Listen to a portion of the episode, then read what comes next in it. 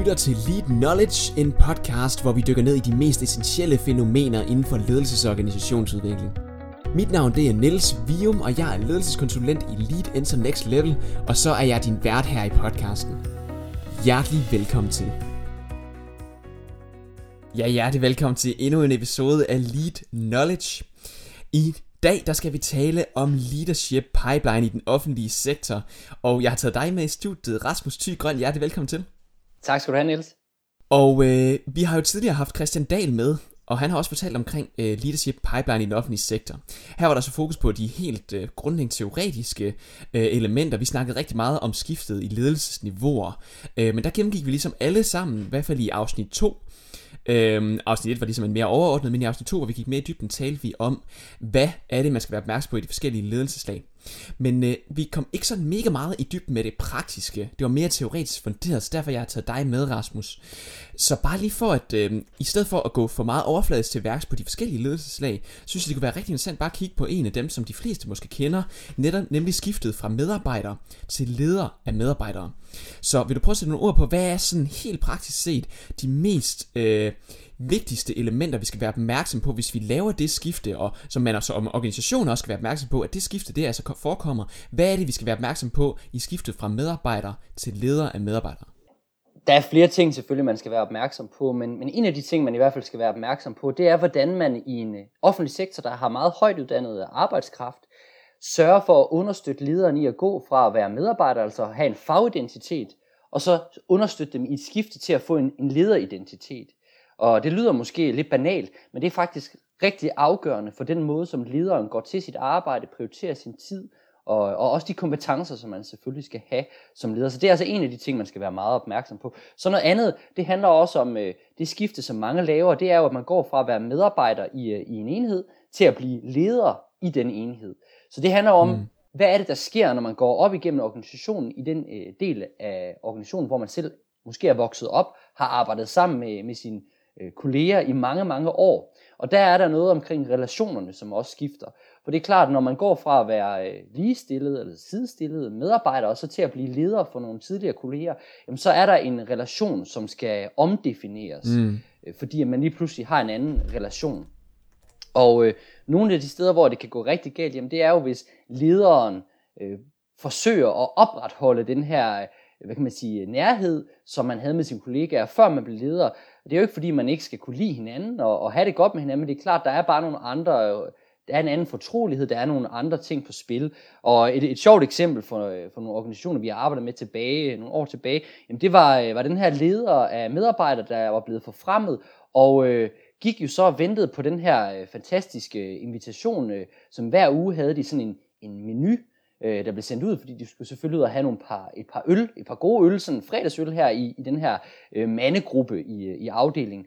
Og øh, da invitationen ikke tikkede ind, jamen, så gik han selvfølgelig ned og spurgte sine, øh, sine kolleger, jamen, hvad er den der invitation til, til øl her på fredag? Hvad, jeg har ikke set menuen nu, jeg glæder mig helt vildt og er meget spændt på, hvad det er, der er på menuen den her gang. Og, og, og det svar, han fik fra sine kolleger, var bare at sige, du skal ikke med nu, nu du er leder. Shit. Altså det her, det er, jo, det, var jo, det er jo for medarbejderne, ja. kan man sige. Så der er også noget omkring, at man skal være opmærksom på, hvad er det for nogle rum, man også skal tillade, at, øh, at medarbejderne har for sig selv, og hvor er det så, man skal finde øh, det nye kollegafællesskab, og der bliver det jo centralt at arbejde med, jamen, hvor er det så, lederen finder et nyt øh, tilholdssted, et nyt sted, hvor man kan få sparring, og alle de ting, trivsel, motivation, som man fik i sit kollegafællesskab før, jamen det skal man jo så finde i sin ledergruppe eller hos sine lederkollegaer andre steder i organisationen. Ja, det skal så være nogen, der er leder fald... i nogle andre dele af organisationen, så eller hvad? Hvor man ja, lige præcis. Ja, så skal man jo finde et, et andet, nyt fællesskab, hvor man kan få de samme ting. Og det vil jo typisk være i ens egen ledergruppe, eller nogle ledere på samme niveau, som man kender et andet sted i organisationen. Men det problem er, det sker så ikke, hvis du... Nu snakker du om at gå fra et sted i din egen... Øh, Altså du skifter jo stadigvæk bare til et andet niveau i din egen afdeling her. Det er der, hvor de mm. her komplikationer de kommer frem. Ja. Hvis du skifter over i et andet sted, hvad sker der så? Der, der, det er ikke så slemt så, eller hvad? Der kan du ikke opleve det samme? Der, nej, man kan sige lige relationsdelen, der kan man sige, der er måske ikke nogen relationer, der skal genforhandles på helt samme måde, fordi man har ikke været så tæt. Nej. Man kender måske medarbejderne, man ja. har ikke været helt så tæt, man har ikke været kollegaer med dem på samme måde. Men det er klart, der er en masse andre faldgrupper og udfordringer, som er fuldstændig ens. Og noget af det, som jo er, er svært mange steder, jamen det er jo, at man går fra at skulle være en fagperson, der lykkes gennem egen faglighed, til at skulle lykkes igennem andres faglighed. Ja. Så det handler jo om, hvordan er det, man styrer sin egen tid nu skal man altså også lige pludselig styre andres tid. Det er ikke nok at styre mm. i egen tid, man skal faktisk også kunne styre andres tid. Det man også skal gøre, det er, at man ikke bare skal kunne udvikle sin egen faglighed og lykkes gennem sin faglige indsats. Nej, nu skal man faktisk kunne udvikle andre, altså medarbejdernes faglighed, og sætte en faglig retning i den øh, afdeling, man er i. Så der er jo nogle andre ting, man skal gøre helt anderledes. En af faldgrupperne kan tit være, at man kommer til ofte så, øh, så forfremmer man jo den dygtigste fagekspert. Mm. Det kan der være masser af gode ting i, der kan også være nogle faldgrupper. Ja. En af faldgrupperne er, at man måske kommer til at, at kæmpe med medarbejderne om de sværeste opgaver.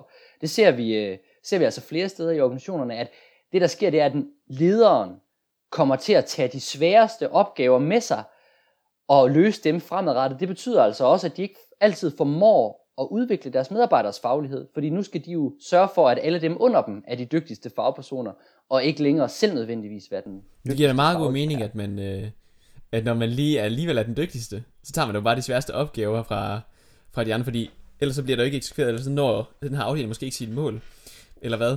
Det du siger, det er så, Nej, at, øh, at øh, den her person selvfølgelig skal, skal simpelthen stoppe med at gøre det, vedkommende gjorde før, og skal simpelthen udøve ledelse som fagdisciplin i sig selv, eller hvordan? Ja, det er klart, der er jo forskel på, hvor meget ledelsestid man ja. har. Det er jo ikke alle steder, at man, man går sådan ind i en fuldstændig øh, ren øh, ledelsesrolle. Men det man i hvert fald bare skal passe på med, det er, at man sørger for at, at have det her mindset om, at man altså er gået fra at skulle lykkes gennem sin egen faglige indsats, til at skulle lykkes igennem andre via sin ledelseskraft. Mm. Og det handler altså også om uh, faglig udvikling af andre medarbejdere, Øh, og igen, bare fordi man har været den bedste fagekspert, så er det jo ikke sikkert, at man er dygtig til at udvikle andres faglighed. Men det er altså en af de ting, man skal være meget, meget opmærksom på. Og tit så kan man komme til at, at trække de her opgaver med sig op i ledelseskæden, fordi man jo var den mm. dygtigste. Så det giver jo god ja. nok mening, at man bliver ved med at gøre det. Det har man bare ikke tid til på lang sigt. Så det, det her dobbeltblik, man også har, når man, øh, man skifter, det er at sige, jeg skal have løst opgaverne bedst muligt, men det jeg faktisk samtidig skal være opmærksom på, det er, hvordan udvikler jeg så fagligheden i den her enhed, samtidig med at få løst de nye opgaver, mm. så jeg opbygger kapacitet hos mine medarbejdere. Og hvordan er det egentlig, fordi det er jo nem, nemmere sagt end gjort, tror jeg, når man sidder der i, i det, og, og, og slippe sin faglighed på den måde. Hvordan skal organisationen hjælpe? Og det er måske i virkeligheden lederen af lederen, der skal hjælpe den her person. Ja. Øh, hvad, hvad, hvordan kan de gøre det? Hvordan skal vi sørge for, at den her person ikke bare øh, ja, ikke kan se skoven for bare træer, fordi han står simpelthen i det, eller hun står mm. i det her. Hvad er det så, organisationen skal gøre for at løfte ham eller hende? Det, der er flere ting, man skal gøre, men det er klart, som du peger på som det første, jamen der er også en, en overordnet leder, der har et ansvar. Det, det vi skal huske, når vi snakker sådan en, en offentlig leadership pipeline tænkning og model, så er det jo essensen, en del af essensen modellen er jo også, at når der er en, der fejler, så er der altid to, der har, øh, der har lavet en fiasko. Mm.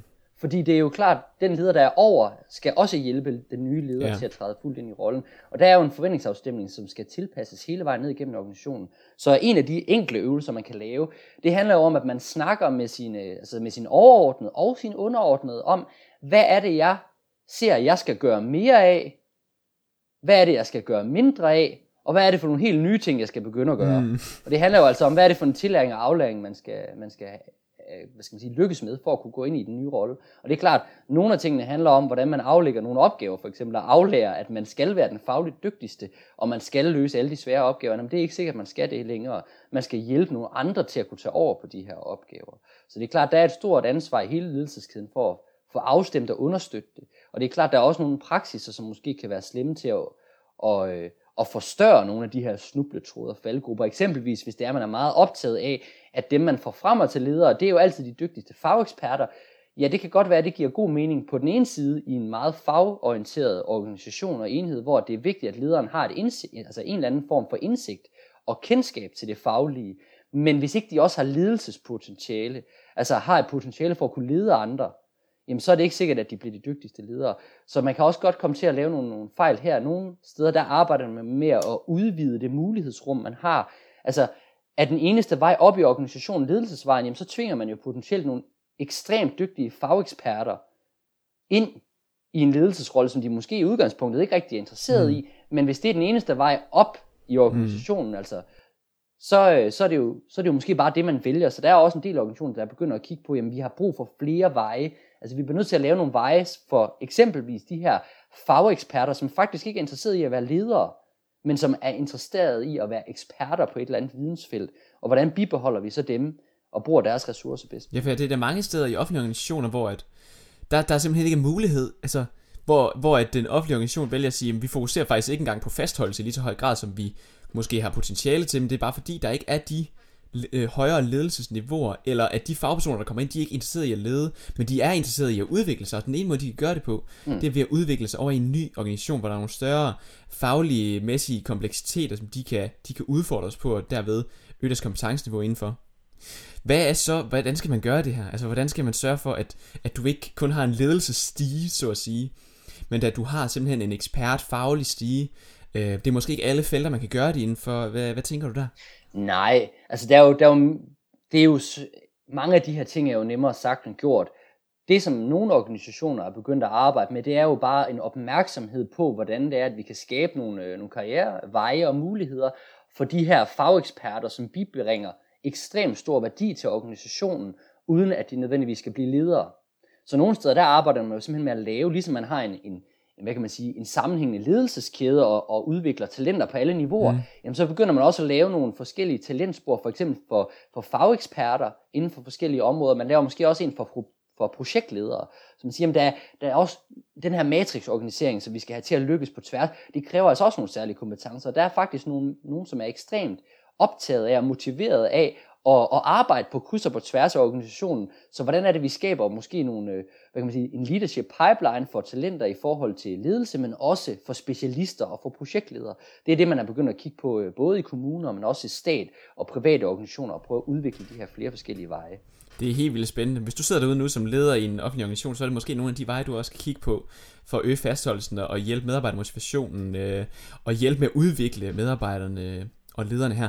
Super, super spændende. Tusind tak, fordi du var med her, Rasmus Thy Grøn. Giver et lille indsigt i, øh, i praksis. Hvordan kan vi så arbejde med den offentlige leadership pipeline? Tak, fordi du var med i dag. Selv tak. Og til dig, der lytter med derude, tusind tak, fordi du lyttede med. Hvis du er interesseret i mere omkring offentlig leadership pipeline, så findes bogen selvfølgelig, hvor du kan læse meget mere om alle de her ting. Og der er også en anden bog på vej, nemlig offentlig leadership pipeline 2, øh, med nogle nye tiltag, som vi også laver podcast om her i Lead Knowledge. Læs meget mere ellers om, hvad Lead er, hvad vi laver ind på lead.eu, og ellers må du have det rigtig godt til, vi lyttes ved i næste episode. Hej hej.